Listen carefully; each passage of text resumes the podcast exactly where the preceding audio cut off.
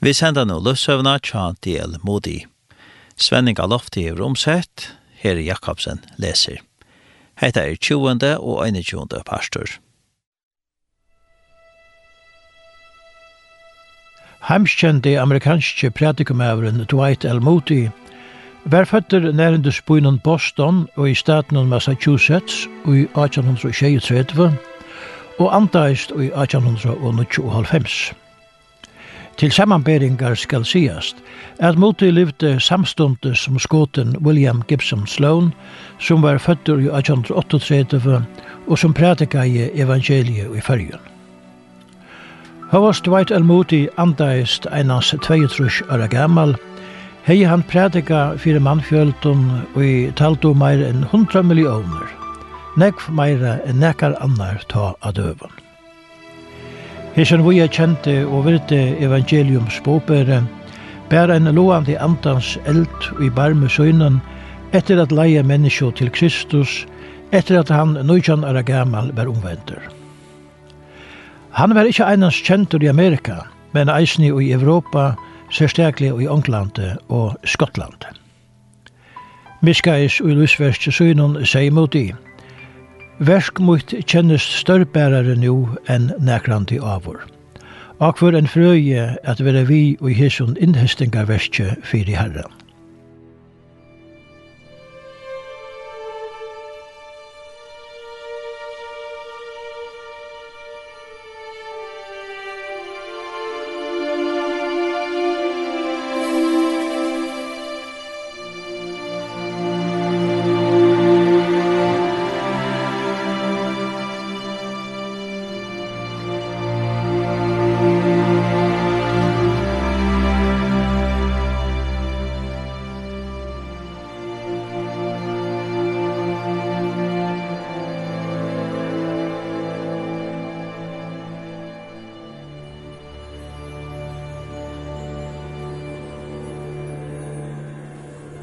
i parsten fremar undan var greit fra at årene 1824 til 1841 ståna i del mot i genteskola fyrir at læra til vanlig skolafag og en framhaldsskola fyrir dronjer iver 16 år. Men endamalet var at leia tar til Kristus. Han fikk eisne møvleikar at fære inn av lærdu ha og hei møte i imsestene. Etter hisse møte sier han – Færre nu ikkje heimatur at tale om Jesu møte, men færre heimater at tale om Jesus. 20. pastor, av Vitsan og i Miestre. Og i januar 1826 fekk moti en innbjøring fra Vindfølse om å komme Vittheimon til Jerusalems. Han hei lunge yngs her en slukka fer, men måtte ikke være av på, tog han hei givet lift om at her var en fundare i Chicago. Han hei sett innbjøvaren om sønnen krøv, og i måtte lukast æren han kunde komme at tala. Fyrreikerne hadde godkjent hese krøv. Tøy kom til at ikkje svitje seg folk, og færa fyrast. Men i februar 1892 fekk moti en anutje innbjøvung at færa til heila Valante. Han vært av stater i Skottlandet, her han hei fundar og i trutjar manager. Men fyrra fela var hansara, og i høttu på honom ferna, bjóa honom ferna, boja og etter honom, og tar fara steg så langt og fer og i april mana hjem. Moti hei og i ötlun, som han sa, og i miestre, særstakle falskjennom og kosta livte. Han var hotikken av hvordan lujina var diskavar. var. Ferast var fyrst til Rom og Napoli og i Italia, søgjerne Port og Alexandria og i Egyptalandet. Heierne var skilt til Jaffa og i Israel. Heierne var korst og i Rossavåkne etter Slattanon, søgjerne nigjennom av til Jerusalem, her til kom og i manaløse påskaaftansmorgon. Etter at jeg var soven akkurat timer, formodte jeg at hitja at bøyne av kanningar for søgne i Jerusalem, hei han ilt vi er skilja til og vær sagt fyri honom, men om tempelplassi og Golgata sier han. Hetsjanar heva menneskje tog ikkje vore før fyrir jeg flit eller brøyta. Vi Jaffa Postre hitti han folk og i års på dølsk. Et suttja vannskapt og anlet tarra og tart og fingrar tarra var en revolusjon. Samme dag får til en oljefjall. Avøye sier kom det fram vid stenen som Charles Gordon møtte ved hitt retta Golgata vid og grøvene, høgt er inn i kletten her. Gravkyrkjan og i bygd er innanfor bojarmuren var annars søkt at være steg i her Jesus var krossfester. Vi bøyplene i hand for mot tullja påska morgon nedan av oljefjallet. Setna parsten prædika i Hanna Golgata her 300 åhøyrarar våre kjastater. Han byrja vi å sige at han er i prædika i 30 år, men hei omgandu kjent nærvere gods som henda deg. Så igjen taler han om ånder bibelsk stø og personer, og enda er vi å tale om at vi er føtter av antanen. Han heter jo Ødl, om at koma så nær gode at heila i anten brann som en eldur og i gjørstom terra.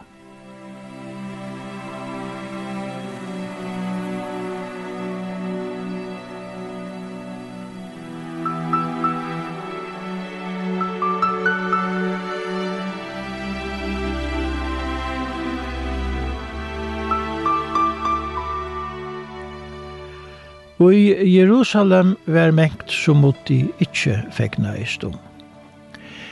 Betur domte hun hon Salomons og Betlehem. Best domte hun Oljefjallet og i verhet Sjama, som ta alltid høy vere og bygdena Betania. Og i Betania sauna vost byttande bøtten og moti, som de høttu særstjaka godt ei av, då han gav dem nukur øyre. Han spurte om det var noe kjente her som er Maria. Flere rett og hentene er opp. Hesa kjentene finner noe eika og. Tøyende om hentan gavmilda fremmandamannen frattust kjøtt om alla bygdina. Hetta økte til badnana og i tyrptust og mutti, medan til rødt og bakkish, som merker peninger. Jeg tror at jeg gjør det større seg mot det jeg slipper bort til at det henne. Eh, be han røssavvangsføreren sier ved bøttene at om det var frielig, så skulle han holde denne teleferden hjemme. Men røssavvangsføreren tutte tale imot det til Tare og sier Jeg har ferast 6000 mil for jeg suttje hese løttle bygdene Betania. Hese bygdene dømte jeg herre og frelsere munnen at vitja tog er jeg kommet her. Er i feina sutja tikkun og vånen er tidkjerast donalir menn og donalir kvinner. Men nu må vi tidlata mig släppa a steater. To i hev jongar bakkish etter. Så nu sier farvel. Ein 16 år gammal dronkur sier at han vildi fegin senigare år. Vid er feien om at tiden og viner tera er og kommer atlan henta lenka vegin at vi tjokkon. Men tiden har jeg vita at her og tiden har vært givet, altså ikke samsværer vi vidtjan tider. 6.000 mil er lengre vever, og tiden må ha lett en ekvan pening før jeg kom i her. Tui må vi kunne vante av tiden at tiden gjeva og kunne røyse litt av bakkish. Jeg måtte hei lusta vi hava etter tui som drankeren bær fram, Men uh, ta han hørte enda anna tøy som dronkere, sier, slepte han seg i stundene borster hen.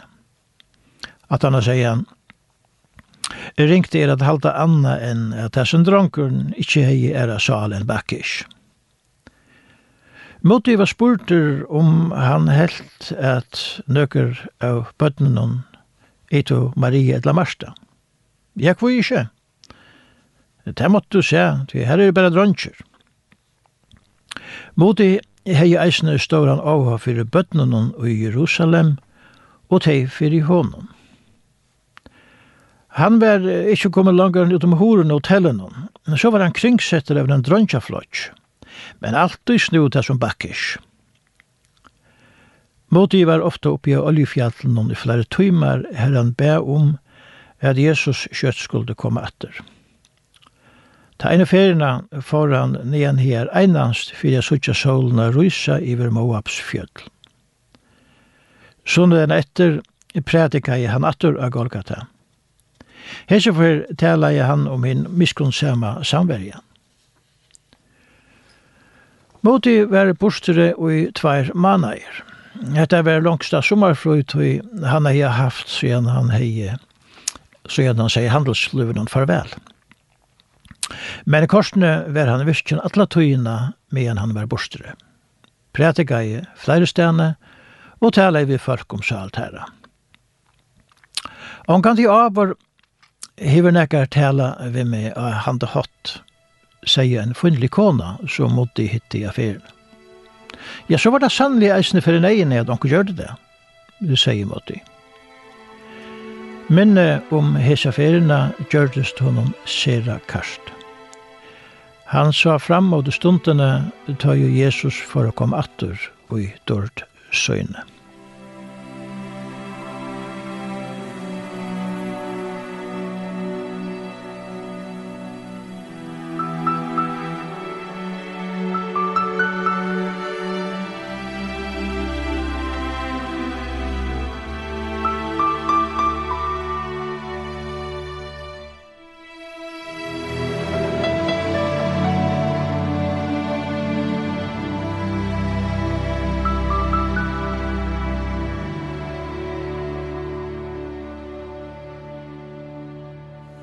21. pastor, Luif etla deie. Han var som ut i arbeidet nekv, var han tog ikkje oppsliten eller oppbyrjaur. Han platt i a teka til så leis. Til bidanar og drepa. Han hei evne at smutja bidanar av sær, tog etter ein herran der svevan som er baden. Beint åren et møte var ikke vanligt at han sette seg i en stål at sove en løte, fyrir jeg få en tur nu tjava meg. Han var ikke nøkter vi bare prætika i Amerika og England. Han ville slippe prætika ærestan vi. Og jeg kjønner så ene fors for han heimane fra Vitari Atlan at færa til Japan. Men da han kom til Kalifornia, fikk han ura gjerra vi at det var møte her, så han hoksa i alls ikkje om affæra vujar. Og i 1891 leie han nutjar atlaner om eina ærafer til Japan, som skulle gjerast gjøgnan London og India. Men ein lakne i London rådde hun fra affæra til Østerland, tog han helt, at det måtte for ikkje tåla heita veverlei her. En eina fyr var han avbråten og i færa atlan søyne. Etter et møte som måtte i hei og i heimbø i søynen Nordfield og i augustmåned i etta samme åre, kom ein medvård ur Edinburgh ved en trivalion pakka til hans herre. Og i sånn pakka han var innbjøvungar fra Følkje i Skottland, som bo mot det kom at tala at halda møte. Og her sånn innbjøvangarlistan var ikke fargen 2500 underskrifter. Jeg måtte gav ikke mannen noen ekka gjøttande svær, men sier at han skulle bygge om gods læsle og i hesen mal.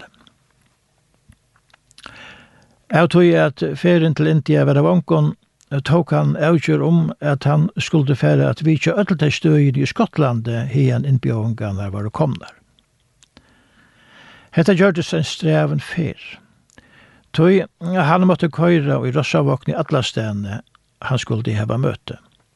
Ofta var det flere møte samme det og i smavon, hølen og i våre stikkvande full av følse. Han vitja i eisne mengastan i Urland. Moti fekk han ringa krymsjuke og var ytla fyrir fyrir tala.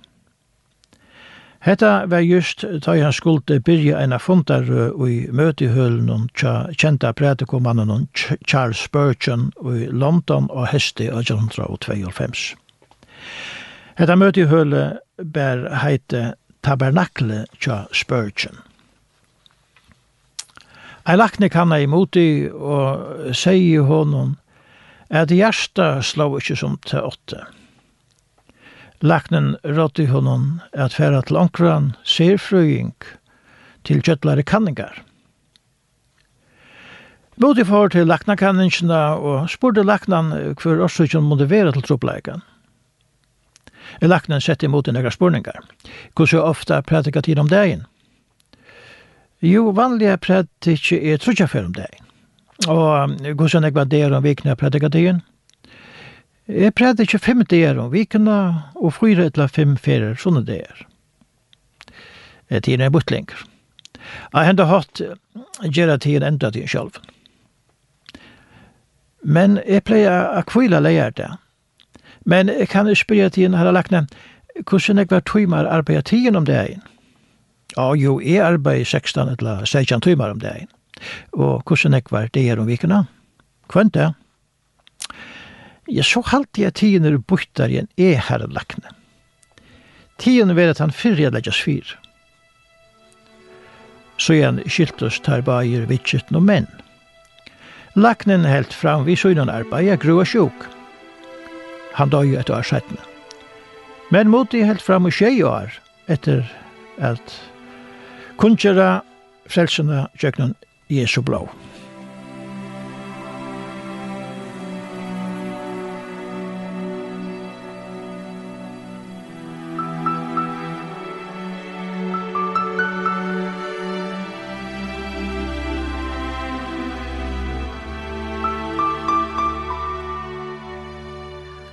i november måned i 1852 får mot de samme vi sonesøgnen ur Southampton og i England til Amerika, vi tyska ferdemannaskipen Spre, som var et av tatuerende beste skipen. Bodi glette seg nekv til at det suttje sinne kær, og tog han er i heimann fra et halvt år. Om hese hendrigar og skipsfer skriver moti Salais. Vi hadde skilt ui tru samtøver, og jeg la i kodjene for ikke for sjåvarsk. Her la jeg og takka i gode fire at han hei varvet med av ötlun ferun munnen. Brottliga hørtest eit ekvistet ljó som skipet rent land, men jeg vært av ikkje rattur. Sjåneren får på dette for jeg vite hva det var. Løt oss settene koma nir etter og sige at skruakslen var brottnavur og at skipet var sjakkant. Jeg helt at så gale måtte ikkje være. Men jeg let meg ui og forbad ikkje. Sjåne moin heit ui verre rett. Fere folk kom leipandi opp og søtte var at nekve sjekk fossa i inn i kømerne. Sættene var stærfest at brottni akslen hei skratt hål av skipet, så at en ekvo sjekkvur kom inn i attasta parsten av skipen. Hesen parsten var så laster, fyrir fora at sjekkvur flømte inn i alt skip. Alt var gjørst som gjeras kunde fyrir at bjerga skipen. Men pumpunar var ikkje førar fyrir at halda skipen lens, som tok a reka fyrir va og vind. Manningen stod klar at sida bjergjengabatan eller sjekv, men bråtene var så krøpp at uh, de hadde holdt, holdt i sommerløte uh, og i tar komme av sjekven. Aturenten av skipen hun tok å søkka, og støvne stod noe mer oppe loft, og skipet ruttla i ytla.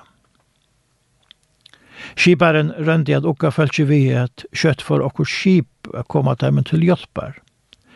Men kvöldi fór og notten kom, men anki skip var og eksjón.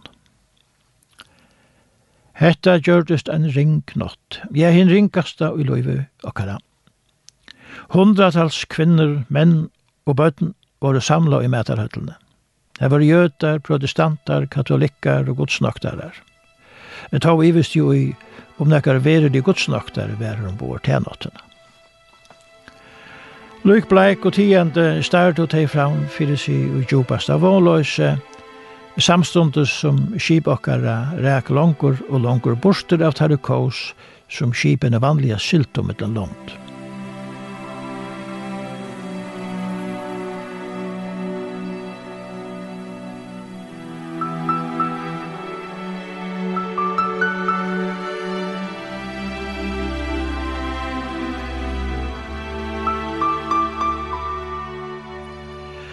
Ta i solen reis, sånne morgenen vær öll vogn borster.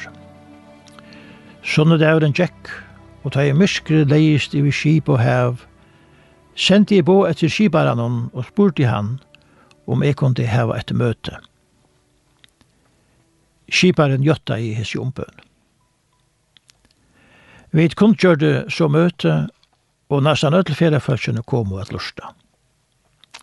Ødel tykkes å bia, kjølt Guds noktarerner. Jeg les Salm 91. Hetta gjørdest en nutjur salmur fyrir mitt hekvalde. Særstaklega var i hotidsjene ödlenda verset. Hesa løtena verda en så god sjolvor tala i hesi år til moin, tjøknun hesi årene. Han skal tjeva enklun sunnen bo om at varvaita te og ötlun leion tøynan. Og god kjørte det.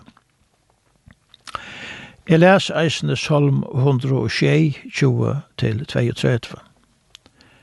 Ein kona sier at hessi år måtte være skriva til dette senast, dette særstakke høve. Hun spurte om hon kunne slippe suttja om det stod i bøyplene. Ein tyskare tutti hetta skriftbrote vers etter vers, så öll kunde fylgja vitt og i lise vær. Sjálfur opplevde ena ganutt. Jeg er jo hoksa at jeg var ivermøver deians. Og i amerikanska borgarastrøynen var jeg ångan til rattor. Jeg hei utan ampa vitja folk i vår sjuk av kolera. Men ombord og hei søkkande skute kjente jeg tann ekvarvis. Jeg visste at anki kunde skilja meg fra frelsere munnen. Sint mun var fyrirkjevun. Men ta i huksei om mine kære og tænast og versk mot i Amerika, og at jeg kanskje næste løtna for at være tidsen borste fra Taiman Øtlund, tøktes det som hjertet mykt være om at brista. Hetta var miskaste tøyme og løyve møyna. Jeg heldte ikke ut, men røpte av godt. Til endans kunne jeg best sia, være vilje tøyne. Ta var salmoen fyllt vi glede. Northfield, et himmelen, bei var det gå. Så leie mig i køtjena, og sovna i som smabatne. Klokkan tru, og morgenen røpte søneren av meg. Pape, kom på dette. Jeg får opp vi gjennom, og han peika i et ljós lengt bostre.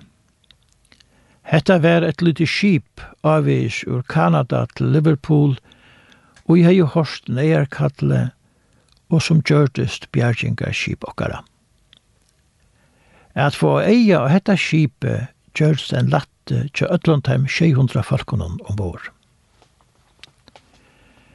Men spurningerne var om hetta lutla skipet kunne toa stora skip okkara til langt leien og i havn. Tvær kyrkjur trossar våre fester mittlen skipene, men brast stormer og for å sjalt hisse tøyene ikkje hadde halta. Men nu var det god sjolvor som var byrjavur bjergjeng okkara. Han får eisene at fullføre henne. Stormeren stillnei og bylgjene der løttest.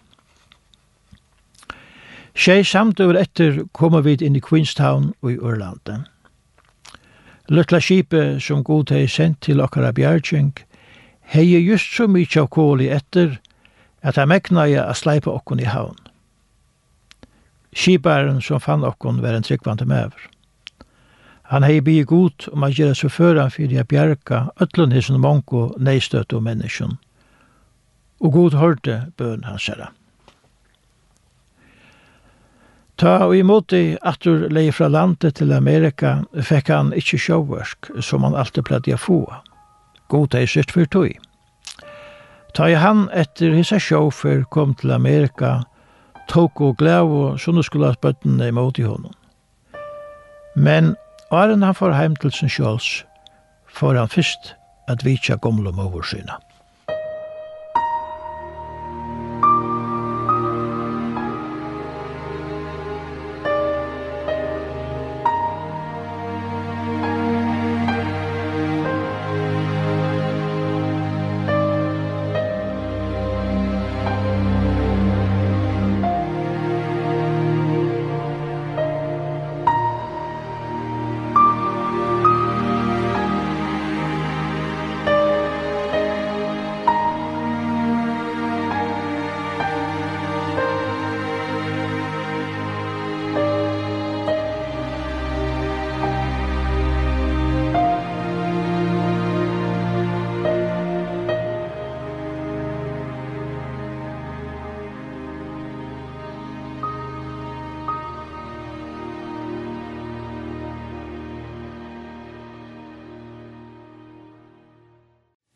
Vi har sendt løvsøvna tja del Moody, Svenninga Lofte hever omsett, Herre Jakobsen les. Hetta var 20. og 21. pastor. Hesen pastor og ære pastor kunne høyrast av heimasynet linden.få.